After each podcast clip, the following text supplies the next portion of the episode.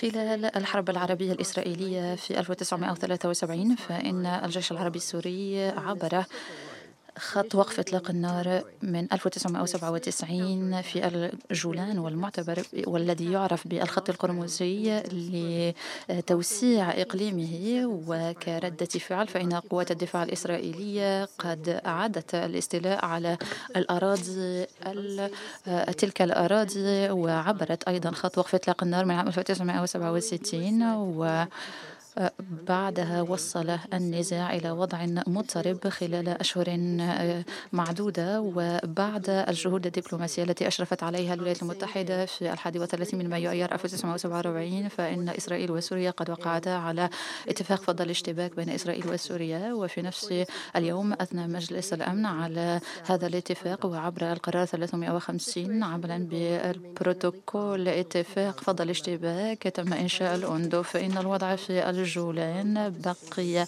آه، هادئا نسبيا إلى غاية 2011 عندما اندلعت اشتباكات بين الجيشي البلدين أو بين القوات المسلحة السورية عفوا وجماعات المعارضة المسلحة. وفي 2018 قامت الحكومة السورية بإعادة إرساء مراقبتها وإحكامها على جانب برافو. وخلال هذه المرحلة أعربت إسرائيل عن قلقها إزاء الوضع الأمني في الجولان وفي 25 من مارس 2019 وقع الرئيس ترامب على بيان رسمي معترفا بسيادة إسرائيل على الجولان المحتل وأخذ الأمين العام علما بهذا الوضع وبردود فعل الدول الأعضاء والقرار الأمريكي. وأود أن أذكر بموقف الأمين العام إن الموقف الأممي بشأن الجولان واضح لدى الجميع ومعروف وهو وارد في قرارات المجلس والجمعية العامة لا سيما القرارين 242 و 467 ونأمل بأن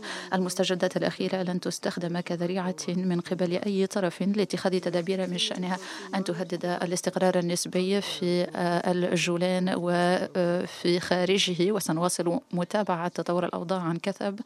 وسنواصل إعلام المجلس بكل المستجدات. شكرا.